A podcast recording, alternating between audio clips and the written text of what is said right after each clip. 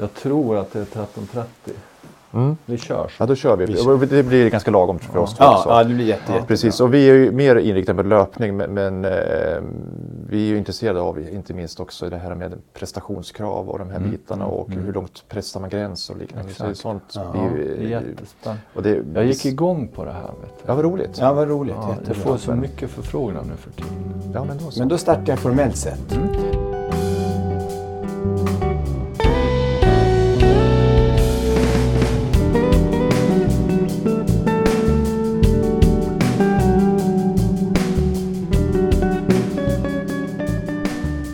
Välkomna till avsnitt 22 av podden Löparens själ. Eh, vi sitter här nu nere i Stockholm och har nöjet att träffa en profil inom idrottssverige, får vi kalla honom. Per Pliggen Andersson. Vad ska man kalla det? Ska man kalla det Per eller Pliggen? Ja, de flesta kallar mig Pliggen. Ehm, Det är väl i princip min hustru och mor som säger Per. Okej, då säger vi Pliggen. Efter en tid så blir det Pliggen. Ja. Men, men man, man har ett fritt val där.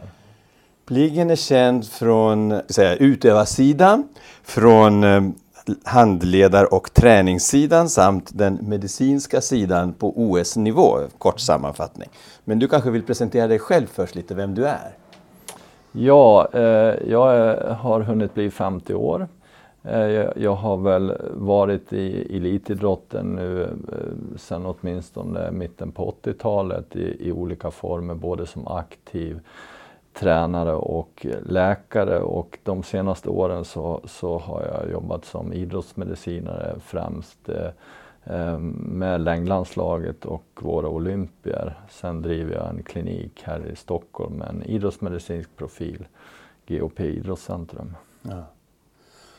Du har många strängar på lyran. Nu driver du GHP Idrottscentrum och det var lite i den vevan Janne och jag vi kom att tänka på att vi skulle vilja prata med någon som kan någonting om att ska kalla det för sträcka på sina gränser. Vi, vi pratar väldigt mycket om mentala insatser och fysiska insatser när vi utövar våran sport, men det gäller inom alla sporter att man vill vara så högpresterande som möjligt. Och då eh, är är vi väldigt nyfikna att höra på hur man resonerar och tänker på när det gäller att prestera och få ut så mycket prestation som möjligt. Mm.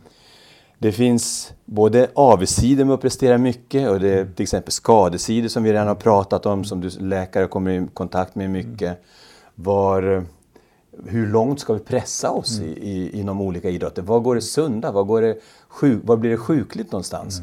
Med ätstörningar, med skador, med, med annat. Ehm, hur hårt ska man spänna bågen?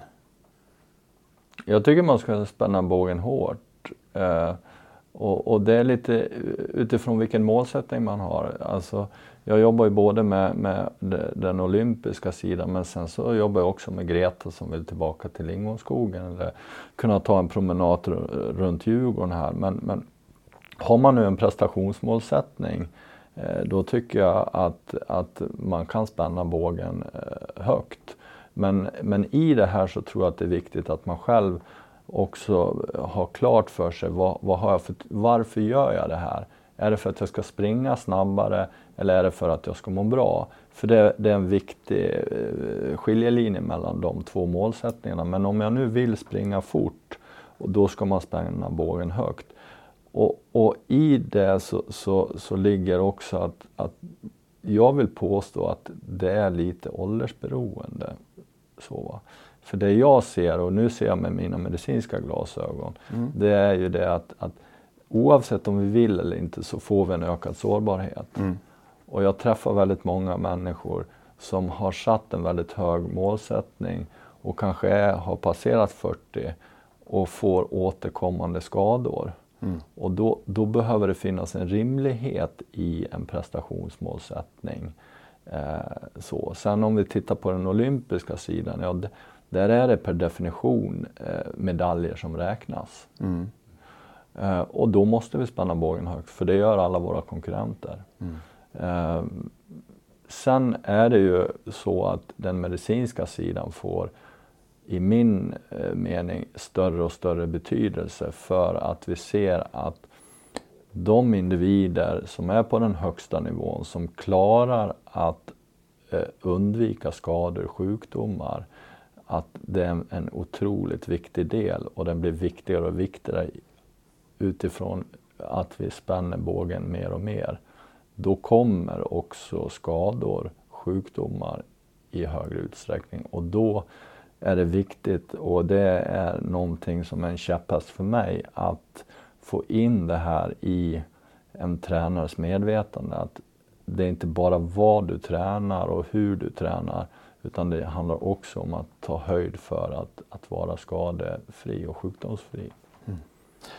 Vi, vi, vi, finns ju inom löparvärlden och ultravärlden mycket mm. och vi ser fler och fler som hela tiden vill ha snabba resultat. Mm. Har du sett någon förändring över tid med det? Eh, jag tycker att ofta så vill man, ja men jag vill kunna springa väldigt långt snabbt. Alltså det, mm. Maraton pratar vi inte längre om, nu pratar vi om 10 eh, mil och 16 mil och ännu längre än så. Men har du sett någon förändring tycker du över tid? Att det finns ett liksom, snabbare resultat? Att vi önskar sånt eller? Ja definitivt. Jag, jag, jag har tänkt mycket runt det här men, men jag, jag ser ju liksom att det är ju också det vi ser i samhället i stort mm. idag, att, att saker och ting går snabbare. Mm. Uh, vi vill se uh, att, att, att vi får en, en förändring snabbt i många delar i, i samhället idag och där har idrotten också åkt med. Och i det så, så, ser jag också att det finns en problematik nu med att ungdomar och barn rör sig allt mindre. Jag ser att det. det också finns en grupp individer som kanske inte har varit så aktiva, som kanske inte har tränat, men som fångas av löpningens skönhet mm. och, och, och, och dras med i det här. Och då inte förstår att det tar lång, lång tid att bygga upp sig för att klara ett ultramaraton. Mm. Och den kunskapen, där har vi mycket att, att, att, jobba med för att få ut det. Mm. För det, har man inte tränat på, på tio år och så börjar man att springa och det börjar gå bra och man eh, har anlag för det. Då blir det lätt att man snabbt dras med i någonting som kroppen eh, inte är förberedd på. Ja, det är väldigt vanligt, vi ser mycket skador. Mm. Jag, jag, läste någonstans, jag kan ha fel, det, att det primärt handlar det kanske inte, när man pratar om ultralöpning så handlar det inte om musklerna utan snarare skelettet som måste ha tid för att eh, bli starkare och sånt. Jag vet inte om det stämmer ens men jag kan tänka mig att det finns här, det tar tid. Det, det, det, det tar tid och, och, och, vi måste komma ihåg att vår biologi den, den ser likadan ut som för 10 000 år sedan. Va? Eh, och, och, och, vi är otroligt anpassningsbara. Har man då inte varit aktiv under en, en längre tid och sen börjar man att träna då är det långsamt, långsamt, långsamt ökad belastning som, som gäller. Sen är det klart att vi, vi, vi har alltid undantag, vi har de här outliers som, som klarar det ändå. Va? Och det mm. där beror ju på genetik och miljö, men för den stora gruppen mm. så, så, så, är en, en snabb belastningsökning den vanligaste orsaken till att de kommer till mig. Jag brukar citera, jag har gjort säkert i podden också förut, Anders Gärderud. Han sa att för mig tog det fem år att tåla av träning, att tåla träning. Precis, och det, mm. det, det, det, det är precis det budskapet jag försöker få fram.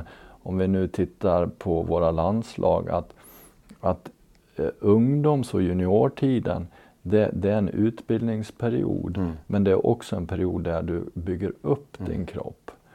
Eh, tyvärr blir det väldigt tidigt resultatfokusering. Ja. Eh, och då missar vi den här uppbyggnadsfasen. För det är först när du blir 20 och däröver som du riktigt ska ha tuff, tuff träning under tio år åtminstone för att du ska få ut din potential. Ja, just det. Uh, och, och, och, då behöver vi använda ungdomstiden för att bygga upp en kropp så att den klarar den här tuffa belastningen. Ja. Uh, och, och, det där behöver vi få in i ungdomsidrotten på ett tydligare sätt. Har du någon uppfattning om vi ställer för höga krav på ungdomarna så att det är många som blir avskräckta i förväg så att säga? Att de blir... Ja, det är, ju en, det är ju en del av problematiken men den andra problematiken är ju att om man jagar snabba resultat som vi ser väldigt tydligt här i Stockholm där vi har akademilag långt ner i åldrarna. Där blir resultatfokuseringen en orsak till att du inte kan jobba med grunderna. och få den här grundträningen som du behöver. För grundträning är en typ av träning, resultatträning är en annan typ av träning. Mm. Och du som tränare för någon som är satsande kan ju påverka det ganska mycket. Hur viktigt är det att ha en tränare eller att ha tillgång till en kvalificerad hjälp när man är kanske ung till och med, eller även senare? Ja, det är helt avgörande. Det är helt avgörande. Helt avgörande. Det, det, vi, vi tillskriver talang för stort värde, är min, min bild. Ja. Det finns, det finns definitivt med. Men, men generellt så är min bild att vi tillskriver talang för stort värde. Och det har jag sett ett flertal exempel av. Eh, I det här ligger ju liksom att vi har en benägenhet att titta på de här som är outliers. Det vill säga att de går igenom juniorlandslaget med kanonresultat, går in direkt och vinner en medalj på OS. Det är ju, det är ju undantagen. Mm. Och sen tar vi rygg på undantagen. Mm. När vi egentligen ska titta på hur ser den stora gruppen ut? Mm. Hur ser det ut för de allra flesta som tar en olympisk medalj? Mm. Då ser vi en solid ungdomsträning med en kvalificerad tränare finns ofta med. Och sen så har vi en, en, en period som har varit lång med få skador och sjukdomar. Mm. Så. Hur långt... Ni, det, jag, det är intressant att säga det och jag, jag förstår precis tanken men då tänker jag att hur långt ner i motionärsled ska man ta den här tanken? Ska vi alla som löper, som inte satsar på elitnivå, ha nytta av tränare eller PT eller coach eller vad vi nu kallar dem för? Ja, alltså det, det finns ju till och med forskning eh, som, som visar att det, det den, den här handledda träningen, eh, oavsett om du ska bli idrottsman eller musiker eller vad du nu ska bli, så är det liksom handledd träning under lång tid eh, som ger resultat och, och, att det är hög kvalitet på handledaren eller tränaren. Mm.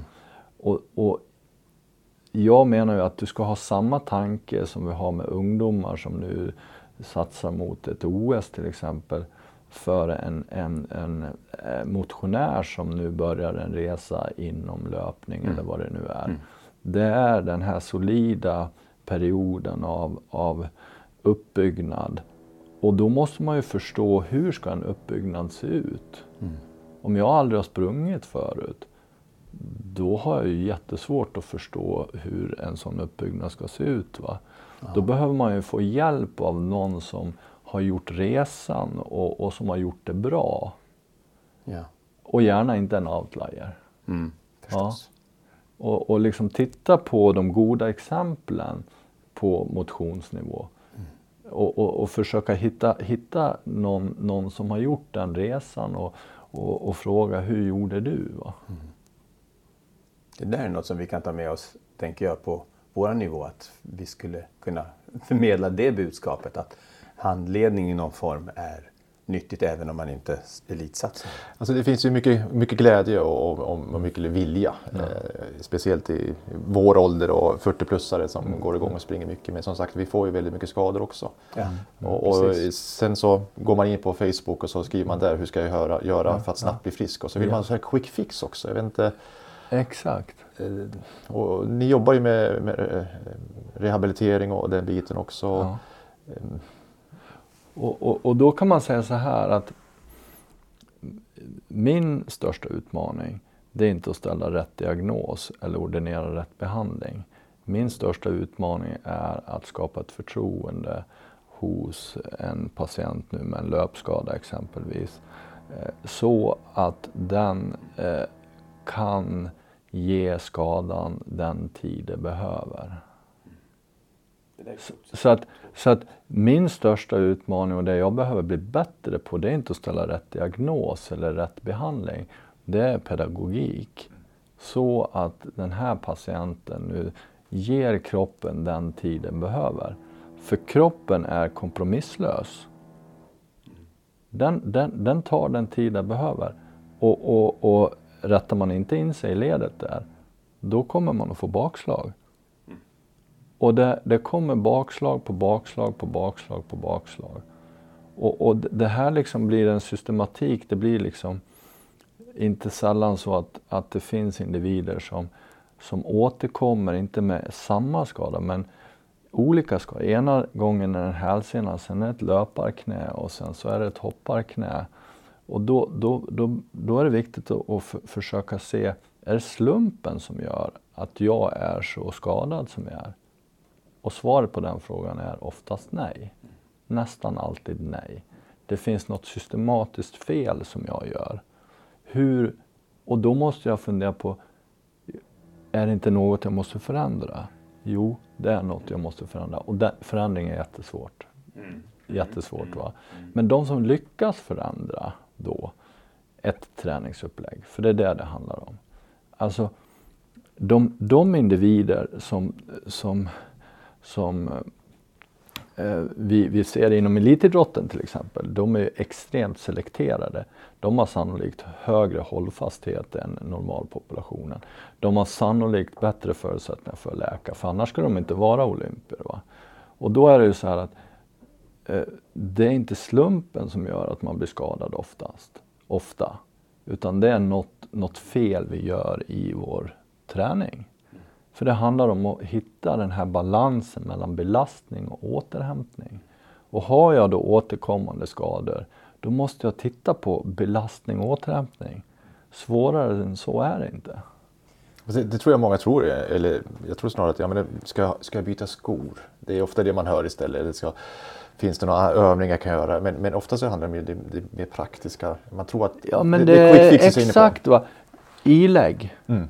Och sen så ska världen öppna sig. Ja. Ja. Jag byter skor och sen så kan jag bara fortsätta som jag har gjort hela tiden. Och det är det att vi söker ju de här snabba lösningarna. Det gör jag själv också. Det ligger i vår natur. Va? Men, men vi måste förstå att, att vi, i det här så behöver vi eh, ge kroppen tid att läka. Eh, men det är ju så här att, att har man kommit in i det här och fångats av allt det underbara som träning och rörelse ger så blir ju det som ett beroende. Va? Och, och den svåraste utmaningen det är ju faktiskt hur hanterar vi våran ångest som det innebär när vi eh, eh inte kan träna. Jag har en patient klockan ett. Okej. Okay. Eller ska jag be han ta den? Jag tror att han har Ja, det vore jättebra. Tack. Det, det klipper vi bort. Ja, det är lugnt. Så där är livet just nu. Ja, men Hampus kan man hoppa in i alla fall, det är ja, bra. Underbart. Ja, ja. Så, så, så, att, att det, det, det, är egentligen det här när, när jag har en, en patient som är skadad, då, är det, då, är det, då, då, då, då måste man prata om det. Och det gör jag. Va? Det här kommer att ge dig det här kommer att skapa oro och, och, och, lite, du kommer att må dåligt nu. Va? För du, vi tar ju bort någonting mm. eh, som, som ger dig ett välbefinnande och som är viktigt för ditt liv och så. Mm. Och jag kan, jag kan se att det är vissa som får otroligt stora bekymmer när man tar bort träningen. Mm. Mm. Vi har pratat om det här, nästan en del av vår, vår identitet just att det, det man gör, eh, att man springer eller skidåkare med, alltså tar man bort det så, så tappar jag en del av... Finns det någonting du kan säga där till eller är det upp till var och en att få ta hand om den smärtan? Nej, men, men det, det, det, någonstans i det här så, så behöver liksom när, när de här känslorna översvämmar oss. Va? Med, med, med att man, man saknar det här så mycket och man, man har ett beroende i princip av det här. Va? Så gäller det också att, att den logiska sidan får göra en, e, e, ett instick där och se att ja, okej. Okay, vad, vad händer nu om jag nu gör det här som jag bo, inte borde göra? Va? Och jag brukar prata om liksom en pensionsinvestering.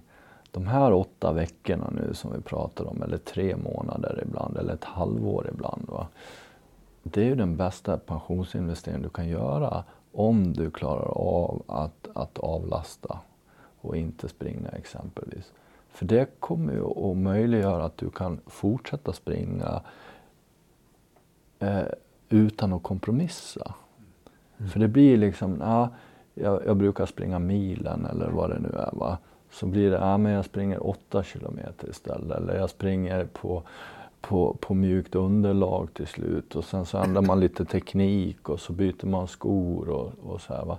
Det blir ju inte så, så roligt. Tänk om du nu om ett halvår va, kan springa kompromisslöst igen mm. och kan göra det i hög ålder.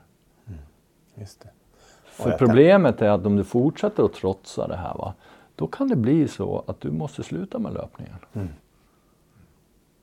Och ju högre upp man är i ambitionsnivå, elitnivå, desto svårare är det att göra beteendeförändringar. Tänker jag. För det är envishet och målmedvetenhet som har gjort att man har kommit en bit på väg. Eller hela ja, men bara för att beskriva liksom, nivån av, av, eh, av, av ångest som kommer på elitaktiva så hade jag en patient som jag eh, sa att vi, vi behöver vila i två veckor.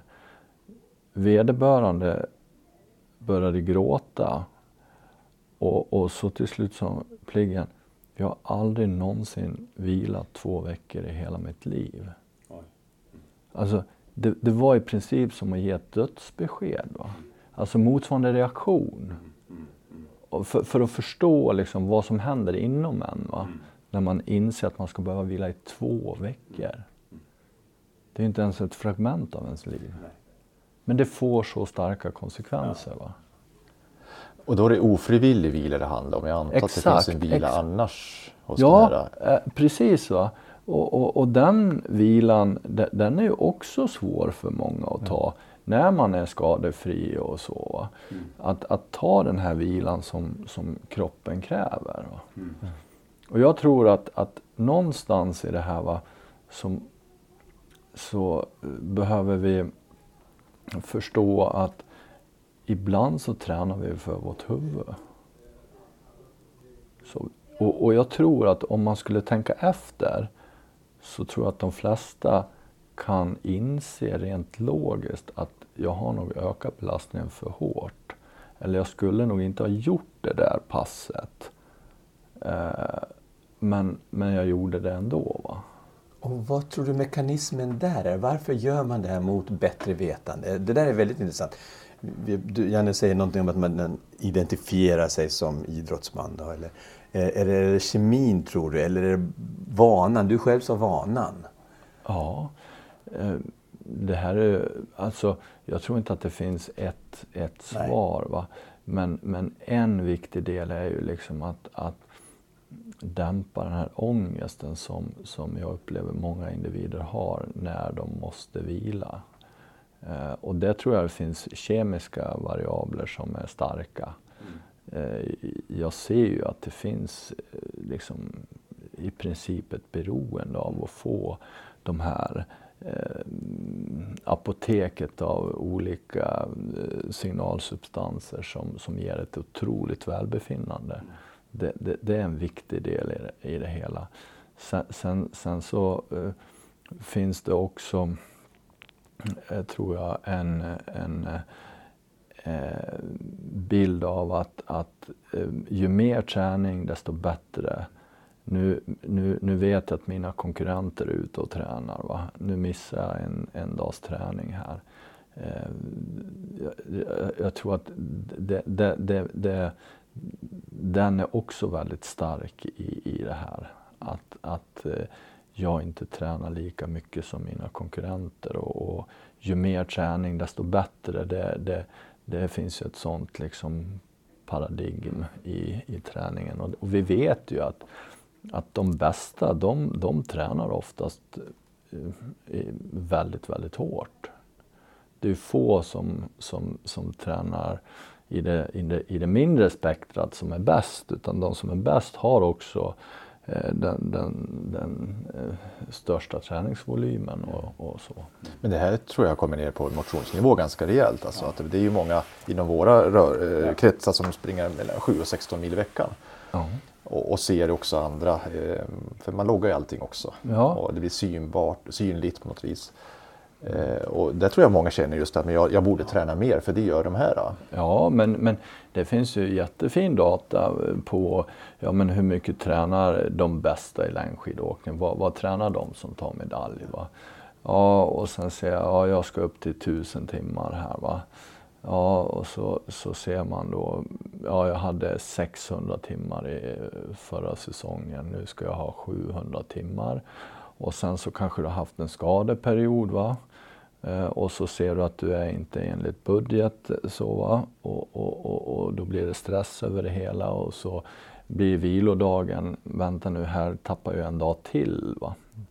Och, och det, finns, det finns ju Idag finns det ju, vi kan ju mäta allting från antalet steg per dag och hur långt du springer och vilken puls du hade och, och hur många höjdmeter och så vidare. Och, och, och vi, vi, vi, vi, vi behöver ibland, inte alltid, träna för att eh, slå rekord. Va?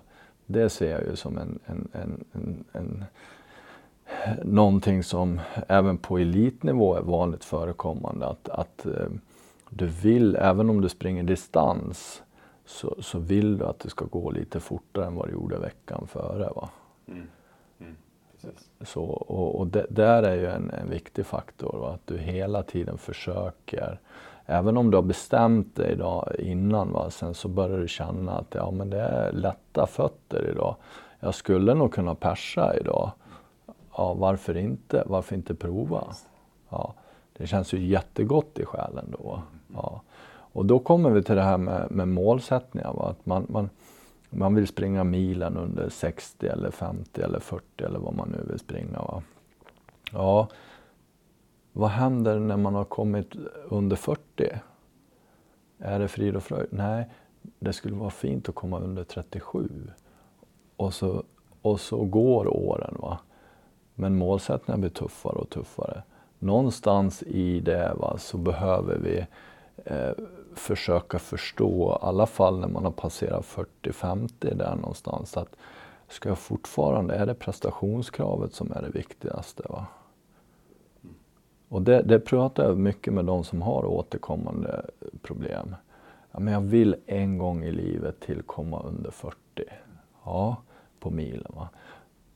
Ja, men vad, vad är det som är viktigt i löpning? Alla säger att jag mår så bra av löpning. Det. det. är någonting som får... Det, där får jag vara med, ett med mig själv. Jag, jag får rensa skallen. Mm. Ja, men fortsätter du att ha dina prestationsmål, då, då riskerar du att få sluta med löpning tidigare än om du har ett mer eh, hälsobetingat mål. Va? Och försöker komma ut och, och, och träna för att uppleva det som egentligen är syftet. Helt rätt. Och det där för oss in på det här som vi eh, också diskuterar mycket om att hela tiden flytta fram sina gränser, utvidga gränserna med, på, på, eller med alla medel. Och med alla medel så, så diskuterar vi ibland prestationshöjande medel. Mm. Eh, som många använder, som alla nästan eh, löpare använder, lagliga, är olagliga, eh, från koffein och uppåt. Um, och du har haft en hel del att göra med doping och andra prestationshöjande ja, medel överhuvudtaget. Um, hur ser du på den utvecklingen, tillväxten av den, den sektorn? Kanske främst innovationsområdet. Mm. Mm. Ja, det, det, där är ju egentligen det svåraste jag har som läkare och, och, och någonstans liksom, var sätter jag gränsen? Ja. Eh, alltså, man måste ha en tydlig etisk kompass. Va? Är det okej okay att spruta den här fotleden för att den ska kunna vara med i en OS-final? Eh, för att så till exempel. Mm. Uh, är det okej okay att höja astmadoseringen för att den här individen ska kunna tävla idag när den egentligen borde vila sina luftrör? Mm. Så. Och det där finns ju i min värld inget rätt och fel men, men åtminstone att det är viktigt att ha det med sig eh, hela tiden.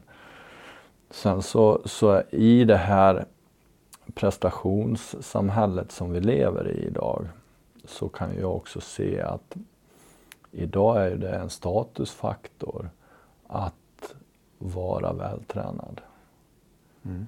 Eh, och eh, inte bara vältränad, du ska också stå i led två på Vasaloppet och du ska ha sprungit ultramaraton och, och, och, och, du ska ha bra tider och, allt loggas. Och du, vad, vad pratar vi idag om på krogen? Jo, det är ju hur många mil jag har sprungit och vilka tider jag har gjort och vilka målsättningar jag har med New York Marathon och vad det nu kan vara. Och, och där, där är det ju Ja, dopingsidan är ju egentligen solklar. Det, det, är ju big no på det förstås. Men, men det som är det mest intressanta är ju egentligen den här gråzonen då mm. med, med, med att eh, ska man ta koffein innan en, en, en tävling till exempel. Eller eh, eh ska jag ta smärtstillande innan Exakt. jag ska tävla eller träna? Ja. Eh, är det etiskt försvarbart egentligen? Eh, och det, det, de där diskussionerna är otroligt svåra men jätteviktiga att, att föra. Eh, för det där har jag ägnat mycket tid och, och, och tanke åt men jag har inget bra svar. Nej, okay. Vad är det som satt din kompass? Ja, det, det, det, det, man kan säga är att jag menar ju på i vilken kontext vi har. Va? Ja. Om vi nu har en individ som har tränat i 15 år och sen står den inför en möjlighet att vinna en olympisk medalj. Då, då, då, då, är mitt, då har jag eh, betydligt vidare ramar för att sätta in den här astmasprayen till mm, exempel. Mm. Mm. Det, det, det, det, är lagligt. Alltså att det inte är in, in i, i dopingförfarande. Så, och det finns ändå skäl, medicinska skäl att se att det här kommer inte att medföra eh, men för livet eller så här. Va? Sen är det klart att, att det är ett distriktsmästerskap då kommer mitt fönster att bli betydligt mm. mindre. Så jag, för mig handlar det också om vilken kontext vi pratar om. Jag kan tänka mig att vissa idrottsgrenar är mer till exempel astmautsatta när man åker skidor i kall luft mycket jämfört med om man springer ökenlopp säger vi till exempel. Absolut. Ja, att det sådana faktorer spelar in. Det, så är det och det, det, är ju beroende på om vi, om vi har brottare eller om vi har ja. bågskyttar eller löpare. Så alla har ju sina medicinska utmaningar Precis. i det. Ja. ja. Om, vi ser på andra sidan då. Som sagt, det här är ju, nu pratar vi etik i hög grad också. Men, men sen inom ultralöpning och nu, nu, finns det ju en löpform som heter Backyard Ultra. Man springer en ny start varje timme och så springer man 6,7 eh, kilometer. Under den mm. timmen så fortsätter man. Så ny start varje timme. Mm. Eh, världsrekordet ligger nu på 81 timmar. Mm. Alltså man har sprungit och de är uppe i 55, 70, 60 mil nästan man sprungit. Mm. Men alltså det är ju, väldigt lång tid man mm. håller igång kroppen och mm. minimalt med sömn om man ens får någon. Jag tror han som har 81 timmar inte fick någon sömn alls. Helt mm. enkelt. Hur, vad tänker du då kring sådana tävlingar? Alltså rent också, är det klokt att hålla på på det här viset? Förstår du hur jag tänker? Eh, ja, det, det är en väldigt relevant fråga. Eh, man kan ju konstatera att det inte är friskvård.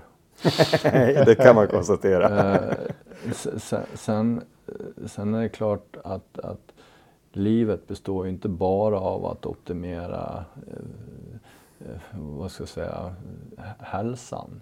Utan vi gör ju saker till mans tror jag som kanske inte är det absolut bästa för hälsan.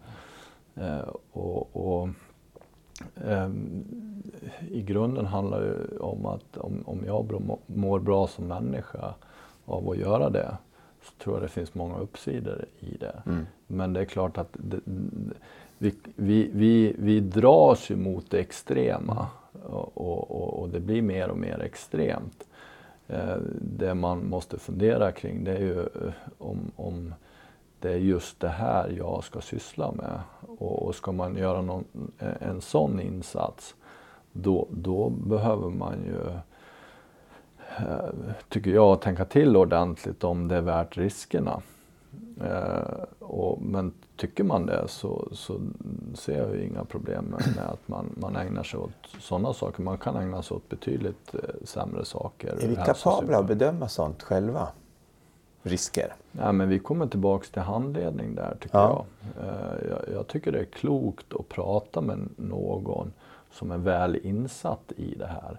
Och det, det, det upplever jag ju är ett, ett bekymmer idag för att eh, Google är ju ofta den vän man tar till som handledare. Och, och det tror jag inte är optimalt alla gånger utan jag tycker att det är bättre att leta upp någon som har en djup erfarenhet och kunskap kring det här och diskutera. Jag har funderat på att göra det här. Eh, hur har du gjort? Eh, mina förutsättningar ser ut så här. Vad finns det för möjligheter för mig?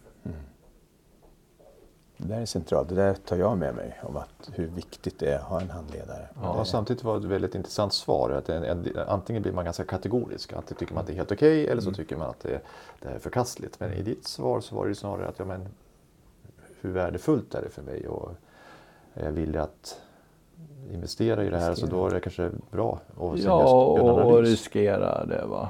Ja. Ehm, jag menar, det finns, de flesta som röker idag tror jag inser att det är inte det bästa för hälsan. Men ändå gör man det. Va? Yes. Och, och, och det är ju eh, otroligt riskfyllt. Men ändå gör vi Det är det. som du säger, vi gör massor med riskfyllda saker som vi har gjort en kalkylerad risk för. Ja, jag åkte med Kalmar ner hit till Stockholm, då var det risk. Bara det var Ja. riskfyllt. Ja, Ja, ja, precis. ja, så är det. Ja, så intressant. Nej, men jag är fortfarande kvar lite grann. Något som, som jag tror väldigt många funderar, jag funderar också kring, det här med prestationshöjare. Var, var går min etiska gräns? Ska jag acceptera allting som inte är förbjudet? Och skulle jag till och med kunna acceptera sånt som är förbjudet om det är indicerat fast jag, för att jag inte tävlar? Ska jag kunna ta, säg att jag skulle ha behov av steroider, vilka en del har. Kan de få tävla någonsin? Liksom? De kommer ju ha svårt eh, att klara en dopingtest utan att kunna motivera det. Jag vet att det finns medicinska underlag. Men det finns mycket sådana här tankar. Um, Hur mycket, doping ska, hur mycket kaffe ska jag dricka för att klara av de här 81 timmarna vaken? Um, Det är inte heller nyttigt med allt för mycket kaffe.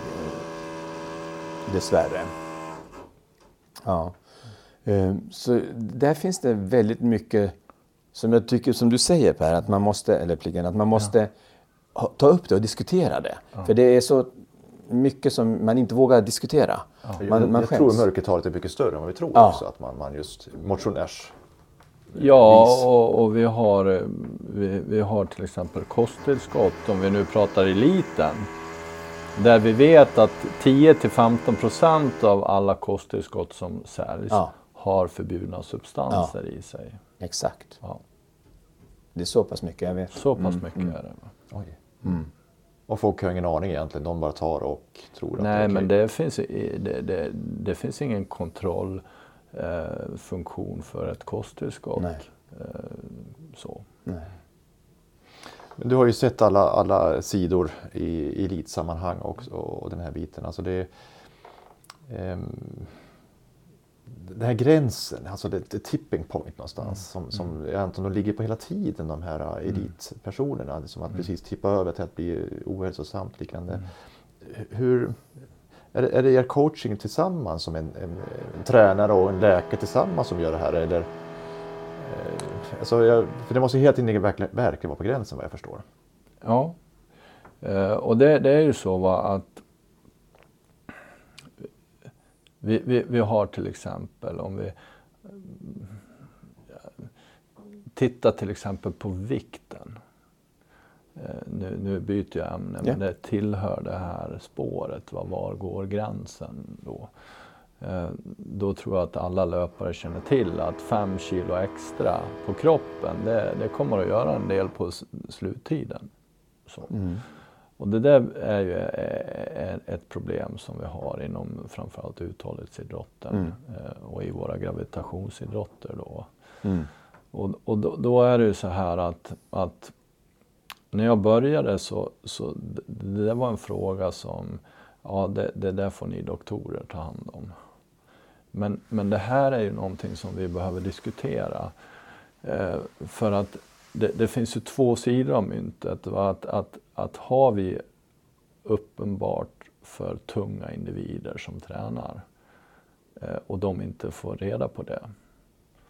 Eh, eh, då är det i min mening oetiskt också. Mm.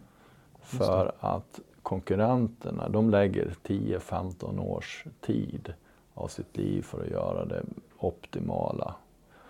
Och, och ser vi då att man på medicinskt säkert sätt kan eh, hitta en väg för att få en prestationsökning, då, då måste ju det diskuteras. Mm. Så. Mm. Och det här, nu är vi inne på riktigt, riktigt tunn is här. Mm. mm. För att problemet blir ju när vi inte pratar om det. För det finns inte en enda individ som inte vet att vikten har betydelse för resultatet i löpning på längre sträckor. Inte en enda individ. Nej. Och då om vi som tränare, medicinare, nätverket runt individen inte ens tar upp det, för vi är rädda för att det ska bli en ätstörning till exempel. Vad gör individen då? Jo, då försöker den ta reda på det själv. Och då kommer vi tillbaks till handledning.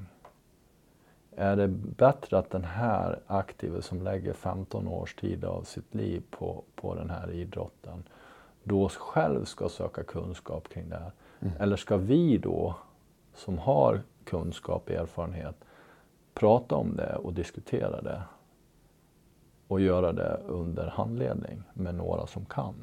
Mm. Och, och, och, och, där har vi samma sak med eh, om vi pratar preparat. Va? Ja, man, behöver, man behöver diskutera sånt här för det finns inga enkla svar i min värld utan Nej. det handlar om kontext. Va? Ja. Jag har en helt annan syn på det här med en motionär än vad jag har med någon som, som står inför sitt livs eh, ögonblick. Mm. Ja, förstår ni. För det ser vi ju inom ultralöpning att det, visst, det finns mycket ätstörningar. Definitivt. Det mm. finns många som kämpar hårt med det här. Mm. Mm. Både män och kvinnor eh, definitivt. Och jag, jag, vet inte vilken grad det ökar eller minskar men, men jag får intrycket av att det är väldigt vanligt. Och det här är en jättesvår fråga. Men, mm. men alltså, hur, finns det något man kan säga till, till, till de, eller oss som drabbas av det här? Alltså hur, nu är det motionärer vi pratar om i ja. hög grad också, men som ändå tränar väldigt mycket. Ja, min, min bild är ju att jag, jag, tror att man, man ändå ska känna den individen väldigt väl. Eh, om man nu ska ta upp en sån här fråga. Jag, jag, det är min personliga mm. mm. bild. Jag, jag, tror inte det blir bra om man nu råkar se att någon har gått ner mycket i vikt eller man får en misstanke och bara spontant gå fram och, och ta upp det här ämnet. Det kan bli väldigt fel. Men eh, vi, vi har ju olika relationer till, till olika personer. Va? Men har man en, en djupare relation då, då, då, tycker jag att man, man kan ta upp det här. Va? Och, mm. och jag tror att man gör en insats då. Mm. Och försöker att, att få den personen att få hjälp någonstans. Jag kanske inte kan hjälpa personen Nej. men jag kanske kan se till att den åtminstone börjar fundera runt ja, det här. Men precis det här som du sa, jag tänkte liksom att man kunde eh, ta hjälp av en handledare, en coach mm. av något slag. Liksom mm. Försöka förmå den personen att, ja men du, kan inte du försöka ta hjälp av en, jag vet jag, en tränare av något slag? PT, att man går den vägen kanske. Mm. För då är det mindre laddat, det är mindre, mindre svårt att ta upp det. Ja, och, och, och, och, kanske en psykolog skulle kunna vara mm. någonting. Va? För, för, för det, det, det, finns ofta psykologiska dimensioner mm. i, i de, de här Alltid. problemen. Ja, precis. Mm. Du är lite unik. Jag satt och funderade över dig när vi åkte ner hit. Alltså du, du har ju en elitkarriär. Du har varit på OS som, som roddare. Mm. Eh, sen har du varit som coach och sen så blir du läkare. Alltså det, mm. det är ytterst få antar jag som har gjort den resan. Ja. Eh, du måste ju ha som, i efterhand tittat i backspegeln. Vad har du som lärt dig för någonting och vad, vad tar du med dig ifrån? Och det är en jätteluddig mm. fråga, jag vet mm. men samtidigt så unikt tycker jag med dig. Eh, om du ser tillbaks till din tid som roddare och utövare och, och det du vet idag som, som 50-åring. Mm. Vad, vilket budskap finns det där som vi kanske kan ta med oss? Ja, jag, jag skulle nog... Jag, jag, återkommer till en sak ofta. Och det, det är att eh, eh ta hjälp. Eh, alltså att, att eh, någonstans i det här inte bara lita till, till sig själv utan försöka söka kunskap. Alltså att, att hela tiden söka kunskap. Det är ju det som, som jag ser hos de här individerna som lyckas oavsett om det gäller att ta en medalj eller att kunna eh, bedriva den idrott man älskar. Mm. Så. Att man är nyfiken. Så. Mm. Uh, och, och, och, och, och, faktiskt titta på hur gör de som är skadefria? Hur gör de som har lyckats? Hur ser det ut? Uh, vad, vad, vad, vad, vad kan jag lära av det? Mm. Precis, tack. Det var tänkvärda ord. Tack så jättemycket. Mm. Jag tror vi måste sluta. Ja, du hade någon patient här. Ja, precis. Ja, ja exakt. Så vi ber tacka jättemycket för intervjun. Det är så mycket fler frågor jag skulle vilja prata om, men det får vi återkomma till i sådana fall. Ta med mig några kloka råd och tankar. Och eh, ni där ute som lyssnar, kom ihåg att löp väl och ha roligt. Tack och